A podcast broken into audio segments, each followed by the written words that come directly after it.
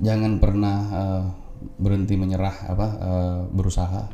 Walaupun berkali-kali jatuh walaupun berkali-kali gagal tetap itu jadikan sebuah pengalaman yang sangat berharga di mana juga ada pun yang tadi pepatah yang saya kutip when there's will there's way. Jika ada keinginan pasti ada jalannya. Insya Allah kalau memang sudah niatan lillahi ta'ala ya nawitunya juga sangat kuat ya jalanin aja karena berdasarkan dari keinginan itu dan fokus pada keinginan itu insya Allah ada jalannya. Saya pun juga sekarang pun juga menjalani ini ya karena itu yang saya, saya bilang saya ingin berkeinginan untuk mengubah eh, Makassar ini tapi bagaimana caranya? Ya bagaimana caranya ini ya berpartisipasilah dalam pemilihan prestasi sipil walkot karena dengan kita menjadi bisa menjadi kepala daerah kita bisa memberikan atau mengubah kewenangan atau kebijakan yang ada di kota Makassar ini dan Ikuti obrolan kami di BDD Indonesia. Sit back and relax and enjoy the talk. You're ready. Oke, musik standby. Hari ini kita akan ber sedikit berbeda ya. Eh, tidak ada musik sebenarnya. Saya pengen nyontoh-nyontoh aja dari eh, podcast yang kalian sudah pasti tahu dong. Kata Zundon Chess. Karena beliau sudah hadir di sini, yaitu podcaster luar biasa dan juga yang paling penting adalah tokoh muda Makassar yang sangat inspiratif, yaitu Haji Andi Muhammad Zunun Armin Nurdin Halid. iya betul Lengkap sekali ya panggilnya apa sih yang lebih enak? panggil Andi juga bingung juga nanti kita berteriak Andi balik semua orang Makassar Iya, dan betul, beberapa betul, depan nama itu Andi Dipanggilnya apa? Sunun aja Zunun. iya kalau mau sedikit eh, keren ya Armin Saya panggilnya Kak Zunun aja. Sunun ya. aja boleh Karena kan Zunun sudah dikenal di mana-mana ya kan? Alhamdulillah ya baru beberapa bulan ini kasihan Hashtag kata Zunun Jazz. Eh kita kita klarifikasi dulu ya karena Iya. kan ada beberapa yang nge DM saya di Instagram walaupun kita belum berteman di Instagram ya belum. Nanti belum kita follow-followan. habis, habis ini ya. Karena di Instagram ada beberapa yang DM saya, Allah ikutin eh, ini ini, ini Allah saingannya Iya. Zunun gini-gini. Padahal gini ya, klarifikasi. Kita semua sem- podcaster itu saling dukung. betul betul harus Iya. harus saling mendukung Sebelum eh, apa namanya Kak Zunun ini hadir, sudah ada juga eh, pemilik dari podcast Ha- Hadap-hadapan, Kak Iko. Sudah hadir Hmm. ada juga juga di sini ya? Oh, kita ada. interview. Wah Ya lebih kan? keren juga nih berarti. Iya, jadi kita justru mengajak teman-teman untuk saling merangkul, ya enggak sih? tapi ada satu pertanyaan nih Apa tuh? kalau nggak salah ini yang BDD hanya apa? BDD arti itu? Ini ini kalau mengundang seorang podcaster kita diwawancara jadi. TikTok kan jadi kita kan? Iya. iya. narasumber bapak. iya iya iya betul betul. oh, iya, iya betul betul betul.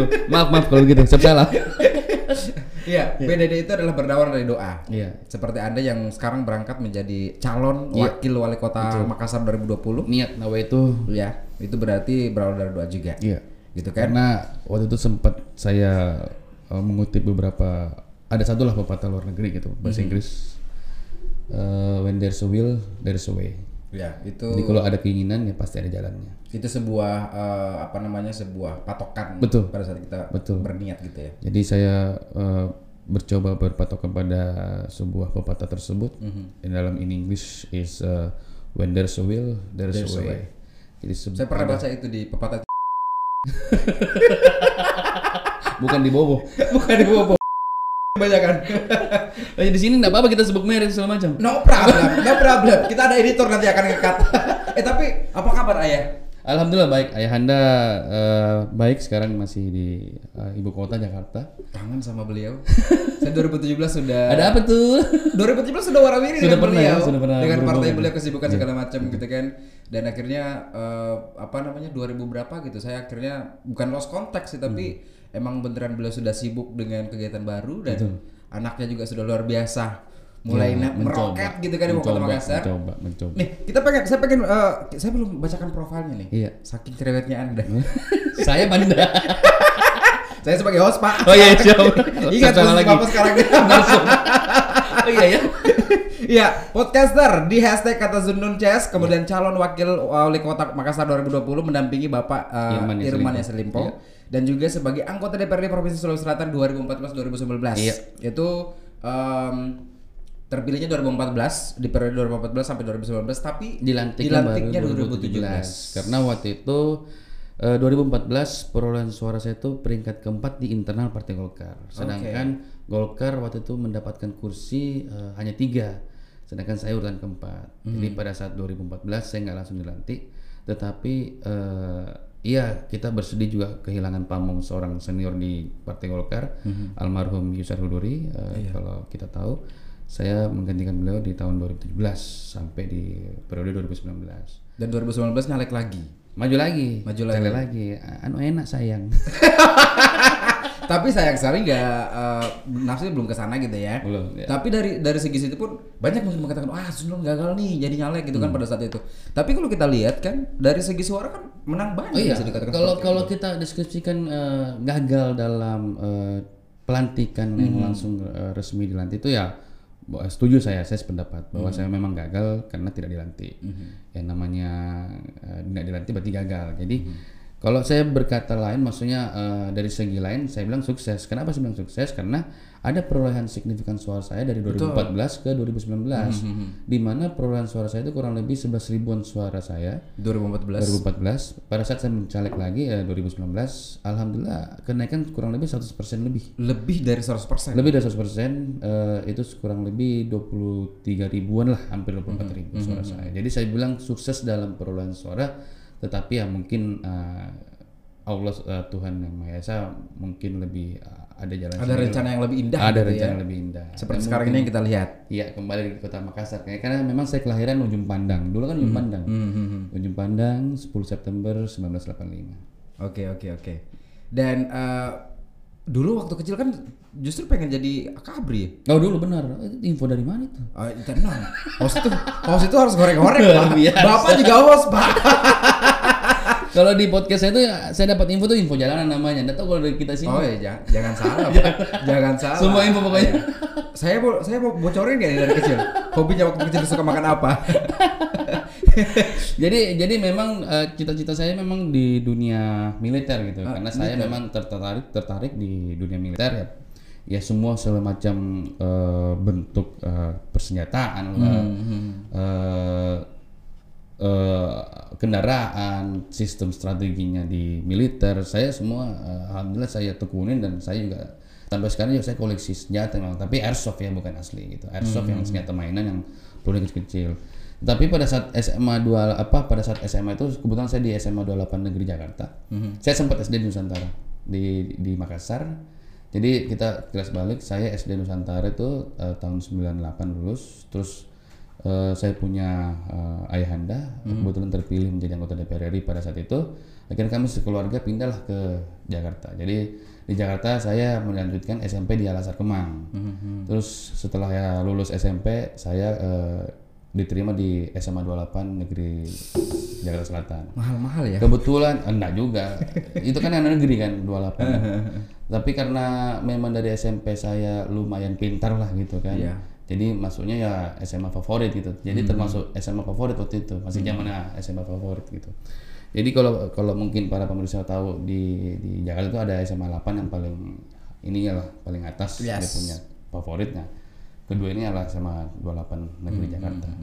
Jadi setelah setelah itu ya udahlah eh, akhirnya eh, saya kuliah di Australia. Itu bukan disuruh loh ya. Itu tahun berapa? tahun 2004 jadi saya lulus angkatan 2004 Akhirnya berangkat ke Melbourne, Australia. Melbourne 2004 eh, begitu sampai di Australia kita belajar bahasa dulu karena kita kan lulus waktu itu pertengahan tahun Pertengahan tahun. jadi ada kurang lebih tiga bulan persiapan untuk sekolah bahasa tetapi karena saya dulu hobi juga main game Mhm. Jadi ada ada basic lah ya di sini. ada basic main game itu juga ada positifnya juga kita eh, bisa otodidak lah belajar bahasa Inggris sendiri dengan Ya. game itu Saya kasih pesan dulu kepada viewers. siap Janganlah kursus bahasa Inggris ya. Main game aja. salah juga itu karena itu anjuran tidak bagus itu Oh, jangan, jangan ini inspiratif pak, ini inspiratif. Iya. Iya, jadi pada saat itu main games banyak banyak eh, apa namanya banyak kosakata dari situ ya. Eh, banyak kosakata dan juga waktu itu eh, film film-film kan biasa kita eh, VCD waktu itu zaman iya, VCD yang kadang-kadang ada teksnya kadang-kadang nggak ada jadi saya berbekal dari teksnya itu kan rata-rata juga eh, ada Indonesianya. Hmm, jadi saya pahami saya cerna bahwa dia ngomong ini berarti artinya ini berarti kurang lebih ya itulah. Hmm. jadi kurang lebih saya saya sempat juga belajar di ini di eh, bimbing apa apa sih les bahasa Inggris ya kalau nggak salah. Nah, itu pun juga Hmm, Itu di Jakarta? juga. Jakarta semua. Jakarta semua karena saya besar di Jakarta semua gitu. Dari SMP sampai sampai kuliah Di Jakarta dulu eh, kursus apa waktu itu? Kursus bahasa Inggris Karena saya pernah jadi tutor juga di sana. Anda jadi murid saya waktu itu. saya eh, kita sebut merek sini apa-apa ya Nggak apa-apa. IF Oke. eh, Lia saya sempat sempat Berarti Pak Warawiri gitu ya? iya karena begitu bukan sebenarnya motivasi untuk eh, benar-benar menekuni bahasa Inggris enggak Iya, Nah, kan kita tahu yang ikut Pengen ada basic gitu ya? Iya, di samping itu yang pertama di basic, yang kedua adalah karena banyaknya eh, yang indah-indah. Dan tidak mau left behind gitu ya? Iya, Tidak mau- Tidak mau ketinggalan sama zaman. Iya, karena kan teman juga terpengaruh sama teman juga. Terus di samping itu juga ya teman-teman eh, perempuan juga banyak gitu. Jadi salah satu motivasi juga nih indah-indah juga nih ya kan itu. Akhirnya terbang ke Australia. itu terus ke Bali. Jadi makanya kenapa saya bilang tadi eh, nggak jadi di eh, Akabri istilahnya. Eh, itu karena satu tinggi tidak tidak tidak tidak memenuhi eh, kriteria pertama. Sedangkan tinggi saya itu kalau nggak salah 163 164. Sedangkan kalau nggak salah itu minimumnya 167 apa 168 gitu. Kurang lebih segitulah. Di samping itu pun juga saya waktu itu gigi saya tiga hari sebelum pendaftaran eh, Akmil kalau nggak salah Akabri itu eh, kalau orang bule itu bilang cipe Gi. Orang bule bilang itu ya cipe maksudnya keluar Kalau kalau boleh belajar cheat. Iya kan? itu jadi jadi ya sudahlah akhirnya saya keluar negeri aja lah eh, sekolah itu pun tanpa disuruh sama orang tua jadi memang keinginan sendiri udahlah Orang tua sekedar mendukung saja gitu. Betul. ya. Ter- terutama ya Anda pada saat itu. betul jadi waktu itu emang eh, orang tua yang mendukung full tidak pernah juga memaksakan kehendak mereka ya bahwa kau harus keluar negeri kau harus begini kau harus tidak jadi orang tua saya khususnya ayah anda itu betul-betul udahlah apa yang kau eh, pilih itulah jalan hidupmu itu Terus sejak kapan berpikiran untuk beralih ke politik? Apa karena melihat ayah Anda ya betul atau keluarga-keluarga yang lain? hampir seluruh hidup ayahanda saya itu di politik. jadi, jadi mau tidak mau nggak bisa dipungkiri bahwa ada darah politik di kami gitu. Tetapi beliau pun juga tidak pernah memaksakan bahwa kau harus pengusaha, kau harus kamu harus jadi eh, politician ya enggak. Jadi betul-betul semua ini keinginan kami semua sendiri gitu tanpa ada eh, paksaan atau suruhan gitu enggak. Dan anak-anaknya pun juga ke politik kebanyakan gitu ya? Ya betul karena saya pun juga berpikir kami pun juga berpikir eh, usaha tanpa politik pun juga susah. Betul, Politik tanpa usaha pun juga agak susah. Jadi benar-benar harus berpadu dua sistem ini gitu. Jadi politik dan usaha ya usaha dan politik gitu. Dan mungkin salah satunya politisi yang berperan sebagai podcaster adalah Anda ya? Kayaknya sudah banyak juga beberapa politician yang jadi Oh ya? Tapi kayaknya lebih dominan Pengusaha atau mungkin yang saya lihat cuma Anda aja. Belum lihat yang lain aja. Di Kota ya. Makassar, iya, mungkin. Iya, iya, mungkin ya. Untuk di Makassar. Mungkin kata Makassar Iya. ya. Kita membahas masalah podcastnya deh. Gimana? Boleh bebas. Iya, kita sudah menyiapkan ke sana juga. Nah, Iya. Ini podcastnya seperti apa nih? Eh, konsep yang luar biasa menurut saya yang had- menghadirkan eh, musician gitu kan untuk menjadi kayak live music. Saya, saya pertama kali nonton ini podcast atau eh, live talk show atau apa nih? Apa talk show ya? Iya, apa talk show karena benar-benar ada ada live musiknya. Jadi eh, memang agak sedikit melenceng kita punya eh, konsep ini karena konsep awal adalah kita podcast biasa aja gitu kan. Tetapi saya berpikir bahwa ah kayaknya harus sesuatu yang lain yang paling lain nih. Harus benar-benar out of box nih jangan kita ikut-ikutan orang lain juga kan gitu. Harus ada yang berbeda lah ya. Walaupun ya pada intinya juga kalau bisa cuma ada mic dan headphone itu udah bisa kita bilang podcaster. Jadi Yes. kamera ya mic sama headphone ya udah bisa cukup untuk bisa kita bilang sebuah podcaster. Tetapi saya ingin menambahkan bahwa coba kita tambah sedikit agak melenceng nih kita punya track ya. Tambahlah jadinya kita ada home band gitu, live musik. Jadi tengah-tengah eh, perbincangan eh, mungkin sekitar tiga menit, 4 menit mereka menyanyi dan kalau bisa dibilang mungkin bukan podcast jatuhnya, pod show. Pouch betul. Jangan pakai pouch lah, gak enak kalau nggak pakai pot. Di luar negeri pot itu gak enak jadinya. eh, tapi itu benar-benar menghasilkan men- mendatangkan ini ya, mendatangkan live music yang sampai benar-benar uh, musisi ternama lah di Kota Makassar. Seperti Rizky The Kaiser sempat datang juga pada saat Oh, iya, bukan sempat sekarang eh, beliau jadi memang pengisi home band di Oh, eh, jadi home band tetap gitu ya? Iya, jadi Rizky itu ya memang kenal, emang ya Oh, biasalah. emang sudah dekat gitu. dunia malam juga kan, namanya juga anak muda butuh hiburan, Iya, kita iya, kenal, apa enggak saya bilang Kenapa enggak saya pakai eh, lokal gitu? Karena kan sebelumnya kan eh, home band saya itu Lia and Friends. Kebetulan eh, Teh Lia ini eh, jebolan rindu eh wah, jebolan Avi 2 kalau nggak salah. Terus ditambah ditambah dengan suaminya si eh, Bang Adit itu sebu- eh, seorang drummernya Tofu kalau nggak salah. Bentar dulu, ini dari orang-orang sebesar mereka itu bayar berapa? Ada lah pokoknya. Ratusan? enggak lah. Enggak maksud saya Enggak. untuk untuk total Enggak, enggak. Kalau untuk bikin podcastnya apa bikin orang-orangnya tadi itu. Orang-orangnya enggak. Dalam sebulan? Enggak, enggak, enggak, ada, enggak nyampe ratusan lah. Enggak. Iya, tapi kalau- pun juga enggak standar UMR lah. Tapi kalau kita berbicara masalah ini ya, kalau kita berbicara masalah persiapan untuk podcastnya dari semua alat, ke Yeah. equipment dan segala macam, itu pasti sudah ratusan juta dong, nggak mungkin di bawah dari 100. Ya, kurang lebih Sekitar sekitaran berapa? UMR lah. Nggak mungkin. UMR balik kota lah. Satu kantor. Gila gede ya. Tapi Nggak, pernah pernah meng- eh, apa namanya membuat podcast itu di pinggir pantai. Bukan di pinggir pantai. Itu di mana sih? Itu di pulau. Di pulau. Pulau Koding Ngaring Keke. Itu sebelum ada studio Enggak. Emang kita punya studio, saya kan dan pengen outdoor aja. pengen outdoor aja saya kadang-kadang lagi diam-diam lagi melamun eh kenapa enggak kita bikin di sini ya Kotak bapak pintu berapa sih pak? saya berpikir berpikir bahwa ya agak bosan juga di studio ini Iya. karena saya lihat pun juga teman-teman kru tim mereka butuh refreshing juga ya kenapa enggak saya sekalian gabungin kita refreshing sedikit Hmm. Sambil tapi kerja. ada juga sambil kerjanya gitu jadi eh, liburan jalan ya podcast juga jalan gitu Hmm. ya udah akhirnya saya bilang ya udah kita ke pulau aja lah podcast anak-anak bilang ah Serius? nah mungkin itu Iya. bilang, mungkin lah Pasti mereka bingung nih PR besar nih. Iya. Equipmentnya gimana di- dipindahin ke sana? listrik ada apa bilang "Eh, nggak ada ya ini kebetulan eh, pulau kosong nggak berpenghuni gitu Pakai kan. genset berarti. pakai genset akhirnya kami bawa genset akhirnya emang. Kayak genset kecil aja yang penting nyala semua alat dan alhamdulillah memang dibilang yang dibilang sesuatu yang mungkin akhirnya kita mungkinkan. Pokoknya apa yang kita mau ya, ya makanya saya bilang when there's a will There's, a way. Everything can, can Iya, happen gitu betul. Itulah salah satu buktinya bahwa sebuah keinginan eh, bisa terjadi kalau misalnya pasti ada jalannya gitu, pasti ada jalannya. Dan genset jalan semua peralatan equipment kita bawa semua jadi betul-betul studio yang biasa alat-alat itu ya kita pindahkan semua ke pulau. Gila. dan menariknya Itu ya pulau mana sih? coding ngaring keke Coding Ngaring Keke.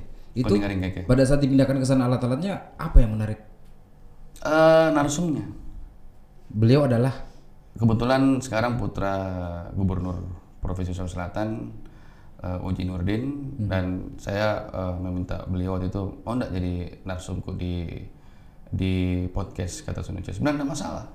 Tapi kan orang berpe- berpendapat bahwa ah mungkin dia tidak mau terima kali karena kan berbeda pandangan politik. Tapi saya bilang saya di podcast ini tidak terlalu eh, membahas semuanya full politik enggak tidak membahas tentang backgroundnya. tidak membahas backgroundnya yang penting saya bersahabat dengan beliau uh, Iya. Uji Nurdin saya pun juga satu hobi dengan beliau di mana hobi saya adalah jet ski gitu Ini harus disampaikan juga ke masyarakat sebenarnya. Ke Betul. masyarakat umum bahwa sebenarnya kita podcast ya podcast. Iya, Itu betul. sudah ada Harus roomnya. dibedakan Yes, juga. ada roomnya sendiri. Beda lagi dengan politik. betul beda kecuali kalau memang dalam hal apa karena kita tahu kan eh, Pak Uji Nurdin ini kan dia di mana gitu kan. Saya kan saya siapa saya di mana gitu. Kalau kita berbicara dalam wadah eh, politik ya pasti berbeda. Tetapi kalau kita berbicara tentang hobi kita apalagi khususnya kita berbicara podcast nah ini kita bisa saja tetap harus jalan dong silaturahmi.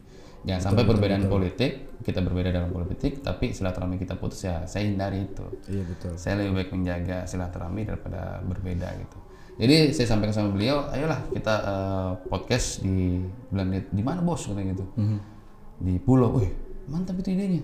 Akhirnya ya nama-nama dua anak seorang eh, tokoh Sulsel Pak eh, Gubernur Nurdin Abdullah dan Nurdin Halid berada dalam satu pulau, salah satu Yes, scene. iya iya.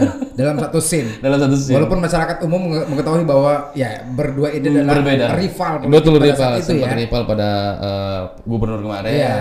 Tetapi saya bilang sama eh, Pak Uji Nurdin lah, sudahlah kita lupakan itu. Kita sekarang kan bersahabat. Nggak ada lagi rival. Nggak ada lagi, nggak ada lagi rival-rivalnya. Ya kalau kalau ini kita harus tunjukkan kepada masyarakat bahwa politik berbe- boleh berbeda, tetapi persaudaraan yang diputus. Betul, itu dia yang paling penting. Itu yang itu yang harus paling penting di masyarakat gitu kan. Karena sebenarnya eh, pelakon politik ini kan sebenarnya mereka tidak tidak ada yang musuh-musuhan. Iya. Mungkin mungkin masyarakat aja yang memanipulasi Iya, media yang biasa yang, gitu yang, kan. yang masyarakat melihat dari kecil dari sudut pandang kecil aja gitu. Iya. Tetapi tidak melihat dari sebuah eh, ke depannya bahwa nggak mungkin selama kita harus berbeda. Sama dengan yang namanya eh, sekarang ini saya bersama Pak Irman Desi Limpo, orang bilang wah ini dua klan family di Makassar nggak mungkin bersatu Iya, satu dari hasil limpo, satu dari Iya. Halid gitu kan. itu benar-benar eh, orang bilang bagaikan minyak dan air Iya. dalam politik ya gitu tapi dalam kehidupan sehari-hari ya tetap aja saya punya bapak Tapi buktinya kan sal- saling berdampingan sekarang kan. Iya dan buktinya itu sesuatu yang tidak mungkin yang yang masyarakat Iya. bilang tidak Hmm. mungkin bersatu dalam dalam politik satu kancah politik kami akhirnya wujudkan ya memang perbedaan itu yang hampir 30 tahun Hmm, dalam perbedaan politik tapi tahun ini 2020 Membuktikan bahwa kita bisa bersatu gitu kan. apa yang tidak mungkin bisa mungkin bisa Betul, mungkin betul. terjadi. Bahkan itu ke- menjadi bisa menjadi se- sebuah kekuatan gitu betul masyarakat. betul betul menjadi kekuatan suatu da- kekuatan dahsyat yang orang tidak prediksi bisa Hmm, terjadi gitu karena yang seperti tadi saya bilang ini dua keluarga bagaikan minyak dan air di di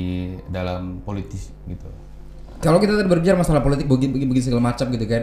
Saya pengen membahas masalah hobi dong. Mhm. Hobinya ini kan kalau nggak salah memang juga suka uh, scu- scuba diving Iya. ataupun jet ski tadi sebelum Jet sempat ski. Saya mention jet ski terus diving terus snorkeling terus ya, sejak kapan punya hobi itu? sejak SD Hah? karena saya sempat eh, senang sekali ke Tanjung Bayam Dulu waktu itu sempat ke sana, su- Iya. suka ke sana. suka ke sana Bukan sempat aja tapi suka. makanya kulit saya hitam sekarang ini gara-gara suka ke laut jadi Di laut dari SD. di laut dari SD Makanya hitam. makanya hitam tapi tidak tinggal di laut jadi cuma weekend saja sama keluarga kita refreshing kita ke laut akhirnya banyak yang bilang ah, nanti hitam kok ah namanya laki-laki Alah, black is sexy, Bu. Black, Black is is sexy. kan black mamba iya, iya. Itu berarti dari SD memang suka berenang-berenang di sana ya snorkeling. suka yang namanya anak-anak kan kecil Ah. kan dulu kan uh, sampai sekarang mungkin masih ada ban-ban dalam ban truk tuh biasa kita jadikan pelampung Hmm. Iya. dulu kan belum terlalu kayak sekarang Jadi gitu kan gitu. Nah, jadi dulu itu suka sewa kami di sebuah uh, apa ya istilahnya uh, balai-balai lah di Tanjung Bayar sebagus sekarang gitu kan dulu masih ada ya akhirnya setiap weekend ya sebulan minimal dua kali lah Eh, semasa saya SD itu kita ke Tanjung Bayam Kalau sekarang kalau sekarang ya kalau lagi penat, lagi agak sedikit eh, butuh refreshing ya saya ke pulau. Saya punya jet ski. Ada juga teman-teman saya. Jadi itulah gunanya saya eh, kita berteman gitu. Kita nggak- nggak banyak pilih, banyak pilih. nggak nggak boleh kita pilih-pilih harus berteman yang ini, harus berteman itu. Enggak. baru seperti saya sekarang ini. Ya suatu saat kita mau main jet ski biasa ya tinggal hubungi Boleh, saya. boleh, boleh. Tapi saya paling takut dengan air sebenarnya. Jangan, jangan takut. Kita Jangan itu di situlah kita bedanya. harus harus harus harus mencoba itu Iya. laut air itu eh, air laut itu benar-benar Laut-laut yang pernah di- dikunjungin untuk nge- nge-jet ski.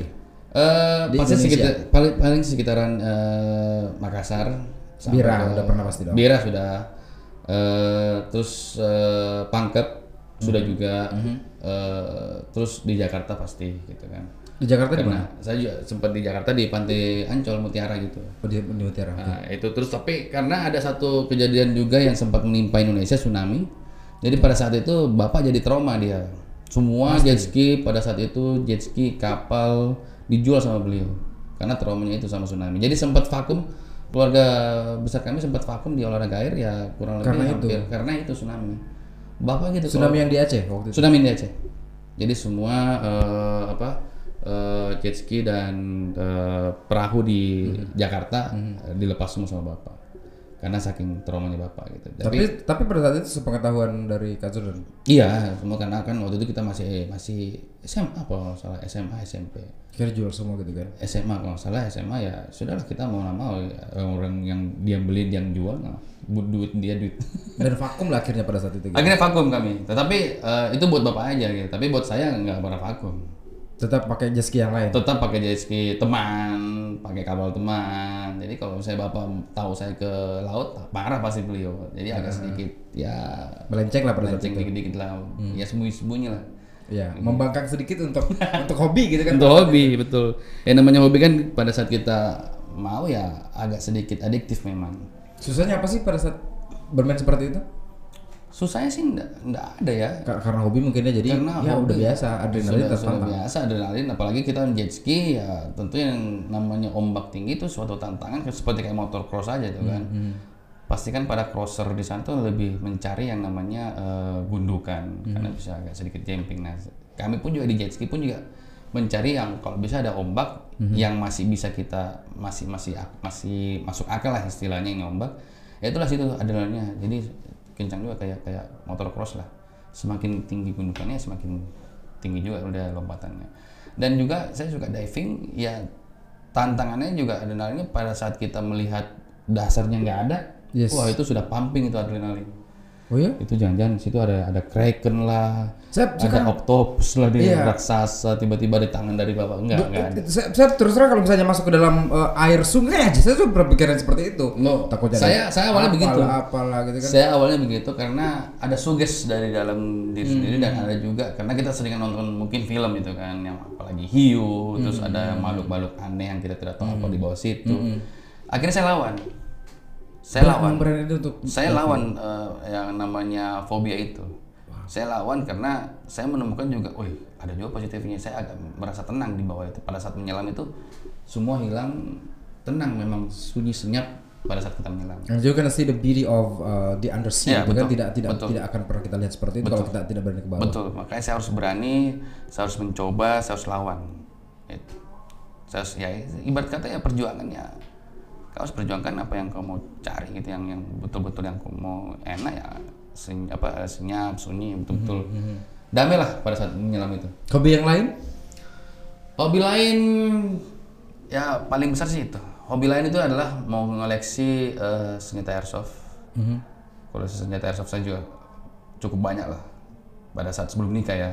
Ini berarti nggak bisa macam-macam ya sama Sunon ya. Enggak, ini mainan aja. Soft gun Koleksi itu aja. Cuma koleksi aja mainan itu aja. Enggak, enggak, enggak ini kok. Jadi memang pada saat sebelum nikah saya hampir 200 unit saya punya koleksi senjata. Setelah menikah pun masih ngoleksi. Setelah menikah dan akhirnya sudah punya anak, kayaknya eh, dana ini harus mulai ke koleksi popok lagi, koleksi susu, koleksi yang lain-lainnya. Jadi eh, hobi airsoft itu ya udahlah akhirnya kita eh, korbankan lah karena demi keluarga kan. Dan beberapa pun juga eh, saya lepas karena emang kebutuhan sudah sudah berubah gitu, karena sudah punya tanggung jawab juga sebagai seorang bapak, anak ya pasti lebih utama dan istri khususnya. Ya, tahun ke tahun pasti berbeda lah ya. Pastilah. Ada Anak berapa sekarang? dua putra putri. Putra putri yang Yang pertama, pertama putra. putra. namanya Andi Nur Rahman Azura Sunun Halid. Mhm. Yang kedua adalah uh, Andi Anaura Makaila Sunun Halid. Harus nama ayah, harus nama kakek gitu. Iya betul harus itu kita bugiskan harus Yes, harus semua. betul betul. Itu yang paling penting tuh, ya kan? Eh, anak pertama umur berapa sekarang? Umur 2012 berarti 8 tahun. 8 yang tahun. kedua itu 2014 6 tahun. Yang pertama ini namanya Azura karena satu adalah singkatan nama saya Hmm. Andi Sunun Armin.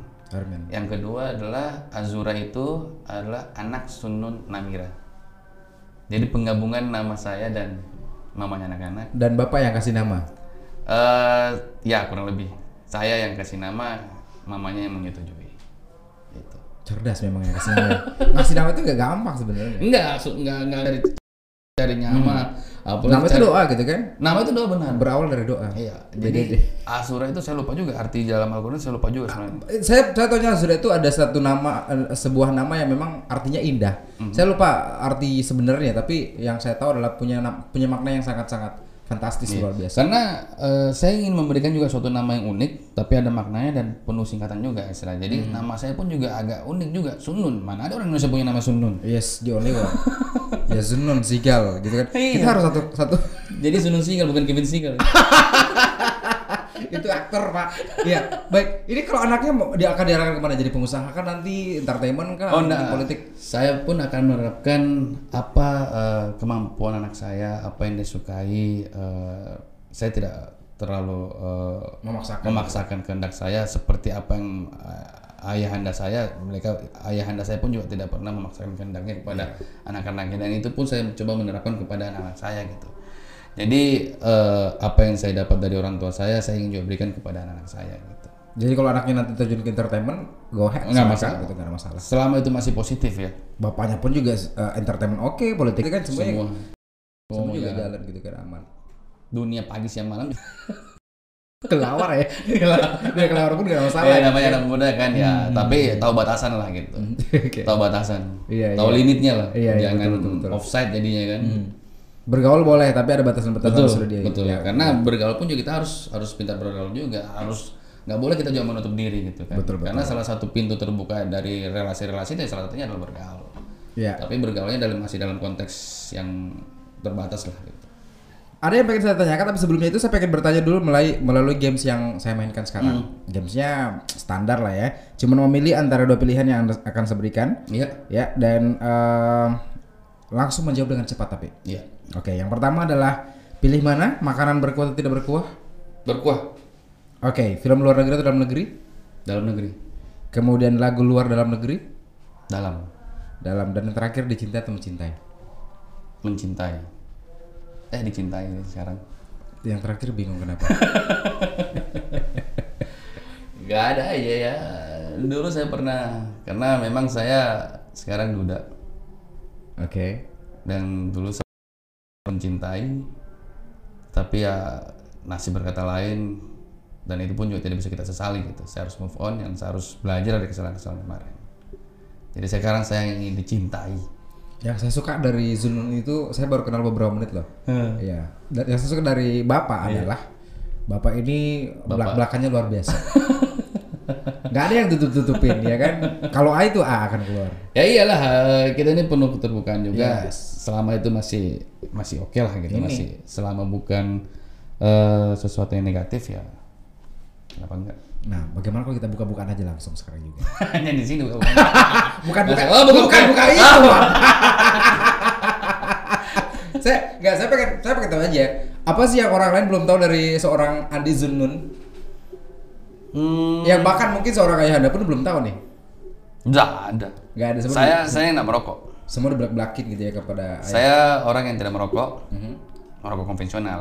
Tapi vape saya ya. coba konvensional nggak Ya, tapi saya vaping ya. Karena saya suka dulu shisha. Tapi shisha ya anak Jakarta nggak mungkin nggak suka shisha Ya, sisa itu bagian dari kehidupan mereka itu kan. Sudah sebuah eh, mau nggak mau ya kalau mau eksis ya cobalah itu. lebih suka yang banyak asapnya ya Ya saya lebih suka lebih puas istilahnya menghisapnya lebih kuat, semburannya juga banyak. kita bahas apa ini isap kuat dan juga semburan banyak apa ini ya karena karena saya memang dari dulu tuh nggak bisa merokok gitu. Iya, iya, iya, karena hidung saya tuh memang agak sedikit alergi dengan asap rokok gitu. Jadi dulu ada cerita unik juga mungkin gitu ya? mungkin salah satu itu ya saya tidak bisa merokok karena dulu pada saat saya kecil itu Mhm.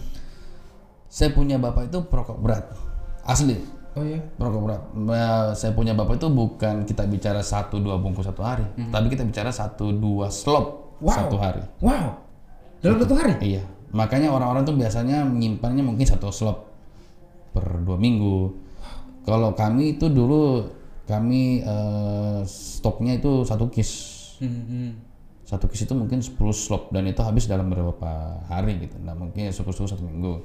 Karena tapi bukan berarti bapak saya itu yang ngisap terus, nggak berarti enggak. Jadi dia hisap, ada telepon masuk, dia taruhlah ini, ngobrol, habis itu rokoknya. gitu kan, habis ya kan ya mungkin satu kali dua hisap, tarik, taruh karena ada telepon atau lagi ngapain, dia lupa, akhirnya habis sendiri terbakar gitu kan, akhirnya Bukan- dibakar lagi. oke bukan habis karena diisap ya Bukan habis yang tanggung tanggung terus-terusan dihisap itu enggak, bukan. Jadi karena kenapa dia dibilang "Ah, itu ya karena nggak berhenti berhenti juga gitu. Terus dan sekarang pun juga saya pas vapor pun juga gitu nggak berhenti berhenti. Saya bilang kalau saya merokok ini mungkin saya kayak bapak nih kayaknya. yes bisa kecanduan parah gitu Bisa, bisa banget dan sekarang memang walaupun yang namanya asap dalam masuk dalam eh, diri kita ya nggak bagus, tetapi setidaknya eh, tidak separah eh, efek dari rokok lah gitu. Itu. hobi nyanyi juga Hmm, kamar mandi. lagu apa biasanya di kamar mandi Lagu melo-melo lah sebenarnya. seperti Judika Eh, enggak, karena dia tinggi nadanya enggak bisa diikuti jadi. jadi kita unmesh aja lah. Lagu apa yang di Hermes Hanya rindu. coba deh Enggak lah. Dikit dong. Kapan lagi kita melihat seorang podcaster yang luar biasa gitu kan, tokoh muda Makassar inspiratif Aduh, dan saya- juga calon wakil wali kota Makassar Ini kalau kita 2020 main bernyanyi. Kalau kita main domi ini kita di kandang pas saya ini. Mau nggak mau harus di kandang pas saya ini. Bapak di kandang saya sekarang, Pak. kita nggak berada di kita nggak berada di kata Zunun Ini kita berada di Maros lagi kan. Bukan wilayah aku lagi Makassar. Waduh. Silakan, silakan. Makanya Bapak nggak bisa cari suara di sini. gimana ya? Eh, jangan ketawain karena Nggak ada apa-apa. berapa ribu orang sini kayak menonton ini. Enggak, enggak. Amin lah, amin lah ya. Ya. apa ya? eh, apa juga itu awalnya tuh mungkin Yang tadi dong kan, ku ingin saat ini eh aduh, saya juga agak lupa teksnya sebenarnya. Oh, sekarang saya Oh. tahu. Viewers, sekarang saya tahu kenapa kata Zunun Jazz meng-hire musisi. Karena yang podcasternya nggak bisa nyanyi. Jadi memang ya sedikit aja satu-satu bait aja ya. Segala cara telah ku coba agar aku bisa tanpa dirimu. Cukup. Refnya dong. Udah. Tanggung banget. Ku ingin. Udah lah. Refnya lah. Iya lah. Eh, ini sebenarnya lagu agak berat. Jadi kalau saya menyanyi lagu ini eh, saya agak agak sedikit eh, terpengaruh ke Terbawa. hati karena Terbawa. eh, memang kenapa itu lagu agak mendalam buat saya karena eh, lagu itu memang cocok dengan kondisi saya sekarang gitu. Saya sekarang hampir tiga bulan nggak ketemu anak. Oke, tadi saya mau pengen tanya nih, who is this song representing about? Anak. Untuk anak. Sebenarnya ini lagu untuk ibu ya kan. Hmm. Tetapi saya tujukan ini lagu untuk untuk anak. Terakhir bertemu sama anak? Tanggal 6 Juli 6 Juli. itu pada saat ulang tahun neneknya. Ibu saya ulang tahun. Mereka di mana sih sekarang? Di Jakarta Di Jakarta. sama mama. Oke, apalagi sekarang di tengah pandemi gitu ya. harus- Iya betul. Saya saya sebenarnya dari kemarin pengen sekali pulang ke Jakarta, tapi ya ada yang namanya bilang udah rapid test saya cukup gitu. Tetapi saya kurang eh, yakin dalam diri saya sendiri bahwa jangan sampai saya negatif di rapid test, tapi positif di swab. swab test juga negatif, tetapi mungkin Allah berkata lain semua itu ya kun fayakin kalau misalnya Allah menghendaki ya mungkin terjadi. Saya berpikiran bahwa suatu saat saya bertemu anak saya, sedangkan saya setiap hari ketemu warga Makassar, Iya, kita saya tidak tahu siapa yang membawa penyakit, siapa yang ditulari, siapa yang ini. takut ada yang OTG gitu kan. Iya betul, saya sama mereka dan suatu saat mereka kenapa-napa, wah saya akan bisa seumur hidup gitu. Iya. Karena kan kita nggak tahu ya, takutnya kita kita yang merasa sehat-sehat saja tapi ternyata kita sebagai silent carrier yang pada saat sampai di keluarga malah Betul, menyalurkan itu hal itu yang sebenarnya masih dilema sekali buat saya. Di sisi lain hati saya, saya sangat rindu sama mereka. Tetapi di sisi lain pun juga saya harus berpikir logik bahwa kita lagi masa begini gitu. Mungkin ya korbanlah sekarang daripada kamu akan menyesal seumur hidup. Saya pengen deh Kak Zunun sekarang itu lagi video callan sama anak, dua anak gitu. Wah agak susah dihubungin juga. Bukan sekarang. bukan bukan video callan sekarang, maksudnya video callan tapi ala-ala kita gitu kan. Jadi Kak Zunun ngomong ke kamera seolah-olah lagi video call sama mereka. Apa yang pengen sampaikan ke mereka? Coba saya pengen lihat aja. Nggak ada seorang, ya, ya paling- seorang ayah Zunun yang eh, apa namanya bervideo callan dengan anak-anaknya. ya ya paling ya nanya aja sih bukan sebenarnya video call karena saya hampir eh, bisa dibilang eh, setiap hari dua hari sekali tiga hari sekali empat hari sekali seminggu lah pokoknya itu saya pasti berkomunikasi sama mereka gitu. Tapi ada feel yang harus saya rasakan secara langsung gitu. Ada ada ada eh, saya harus memeluk mereka gitu. Sudah agak lama saya nggak memeluk mereka gitu jadi kalau kita kan setiap minggu ya? pasti hampir hampir hampir ya kurang lebih dua tiga hari lah saya saya komunikasi Hmm. sama eh, mamanya mamanya eh, langsung sama anak-anak Tapi yang rasa kangen memeluk mereka itu beda ya. beda beda dong Itu beda lagi ceritanya. sama aja kayak bisa melihat tapi nggak boleh disentuh Betul betul. kan banyak tuh kayak di anu saya, saya tahu arahnya ke mana. boleh dilihat boleh disentuh Kenapa? itu jadinya Iya, baik. Yang terakhir, em, pesan-pesan dong untuk eh, seluruh masyarakat masyarakat, terutama eh, anak muda anak muda nih, karena kan sebagai tokoh muda Makassar yang sangat inspiratif, bisa memberikan inspirasi yang banyak kepada anak muda anak muda di kota saya Makassar. paling simpel aja ya jangan pernah eh, berhenti menyerah apa eh, berusaha walaupun berkali-kali jatuh walaupun berkali-kali gagal tetap itu jadikan sebuah pengalaman yang sangat berharga di mana juga ada pun yang tadi pepatah yang saya kutip when there's will there's way. Jika ada keinginan pasti ada jalannya. Insya Allah kalau memang sudah niatan lillahi ta'ala ya nya juga sangat kuat ya jalanin aja karena berdasarkan dari keinginan itu dan fokus pada keinginan itu insya Allah ada jalannya. Saya pun juga sekarang pun juga menjalani ini ya karena itu yang saya, saya bilang saya ingin berkeinginan untuk mengubah eh, Makassar ini tapi bagaimana caranya? ya bagaimana caranya ini ya berpartisipasilah dalam pemilihan prestasi sipil walkot karena dengan kita menjadi bisa menjadi kepala daerah kita bisa memberikan atau mengubah kewenangan atau kebijakan yang ada di kota Makassar ini. Dan khususnya buat ini ya bisa karena biasa sebenarnya. Yes. Dan sebenarnya Makassar juga membutuhkan figur-figur muda seperti Ya harus, karena memang saatnya saya lihat ini eh, di Provinsi Sulawesi Selatan khususnya di Kota Makassar dan kita juga berkaca pada kabupaten-kabupaten lain yang sudah regenerasi Yes. kepala daerahnya. Mungkin kita bisa berkaca pada Pak Bupati Goa, ada Pak Atan di situ, Ada anak muda yang ganteng luar iya, biasa betul. gitu kan. Ada Pak Bupati Sinjai, eh, ada Pak Bupati Takalar. Mereka kan juga semua masih dibilang kategori milenial, masih dikategorikan anak muda gitu kan. Jadi saya bilang kenapa Kota Makassar ini yang kota yang paling maju di Indonesia Timur, tetapi masih bukan anak muda yang yang yang berada di dalam eh, pemerintahan apa, khususnya di di kepala daerah. Jadi saya berpikir inilah saatnya Kota Makassar mempunyai seorang eh, Figur figur, anak anak, muda. di pemerintahan khususnya di kepala daerah. Walaupun anak muda tapi pengalaman luar biasa gitu kan. Iya. Pengalaman yang bisa dipandang enteng dan Iya, betul. kecerdasannya yang bisa Betul. dipandang enteng juga. Karena kami pun juga ya pasti juga kita pasti merasa ada kadang-kadang suatu hal-hal yang unik out of the box dan terlangsung terpikirkan oleh kita gitu. Jadi itulah yang yang saya pengen uh, kembangkan dan juga alhamdulillah juga dari ilmu-ilmu dari luar negeri pun yang pernah saya dapatkan di Australia, insya Allah akan saya kembangkan di Kota Makassar. Makanya perkuat imun tajas. Oke. Karena imun itu adalah bukan Irman Sunun, Yes. tetapi inklusif tumbuh dan berkembang. Itu dia. Itu dia. Itulah imun. Itulah ma- i- makna apalagi imun. apalagi di tengah pandemi ya. Betul. Kita butuh imun. Biar Donald Trump juga butuh imun. Oh ya, pertanyaan terakhir saya nih. Kalau misalnya nanti terpilih sebagai eh, Bapak Wakil Wali Kota Iya, Makassar. amin. Itu kan kalau terpilih nanti. Apakah podcastnya akan diberhentikan? Oh tentu tidak. Tetap saya akan jalan. pindahkan di balai kota. Serius? Iyalah. Siapa pun mau pakai podcast pakai. Selama Tapi- itu tujuannya baik dan mungkin itu salah salah, salah satu sarana untuk menyampaikan eh, apa yang eh, pemerintah bisa sampaikan Oke. itu. Mungkin ada eh, ya sedikit kayak eh, himbauan Hmm, atau apa, boleh semua. Karena salah satu juga yang saya lihat ini, saya juga akan mengadakan yang namanya studio gratis, studio rekaman gratis. Karena Hmm. banyak musisi-musisi jalan pun juga yang berkendala bahwa Pak, eh, kami terkendala biaya untuk rekaman dan mereka satu kali take itu dikenakan biaya sekian. Kalau mereka ngambil beberapa kali take berarti bayarnya berapa dua kali, tiga kali. Hmm, Dan inilah yang saya ingin juga caranya eh, supaya seniman-seniman kita ini tetap Punya eh, wadah gitu punya wadah, betul. Dan salah satunya yang kecil bagian kecil adalah menyediakan, studio rekaman secara gratis buat mereka yang punya talenta bagus di dunia musik. Hmm, Dan insya Allah di semua itu terjadi di balai kota. Jadi balai kota tunggulah nanti insya Allah mudah-mudahan kami dilantik. Iya. Ada sesuatu yang unik lah di balai kota kantor balai kota. Kita closing ya. Betul. Takut kepanjangan kampanyenya. Nggak dirasa ya juga ya. iya, saya takut malah justru kepanjangan ya kepanjangan. Sudah banyak bahan kayaknya di- dipersiapkan.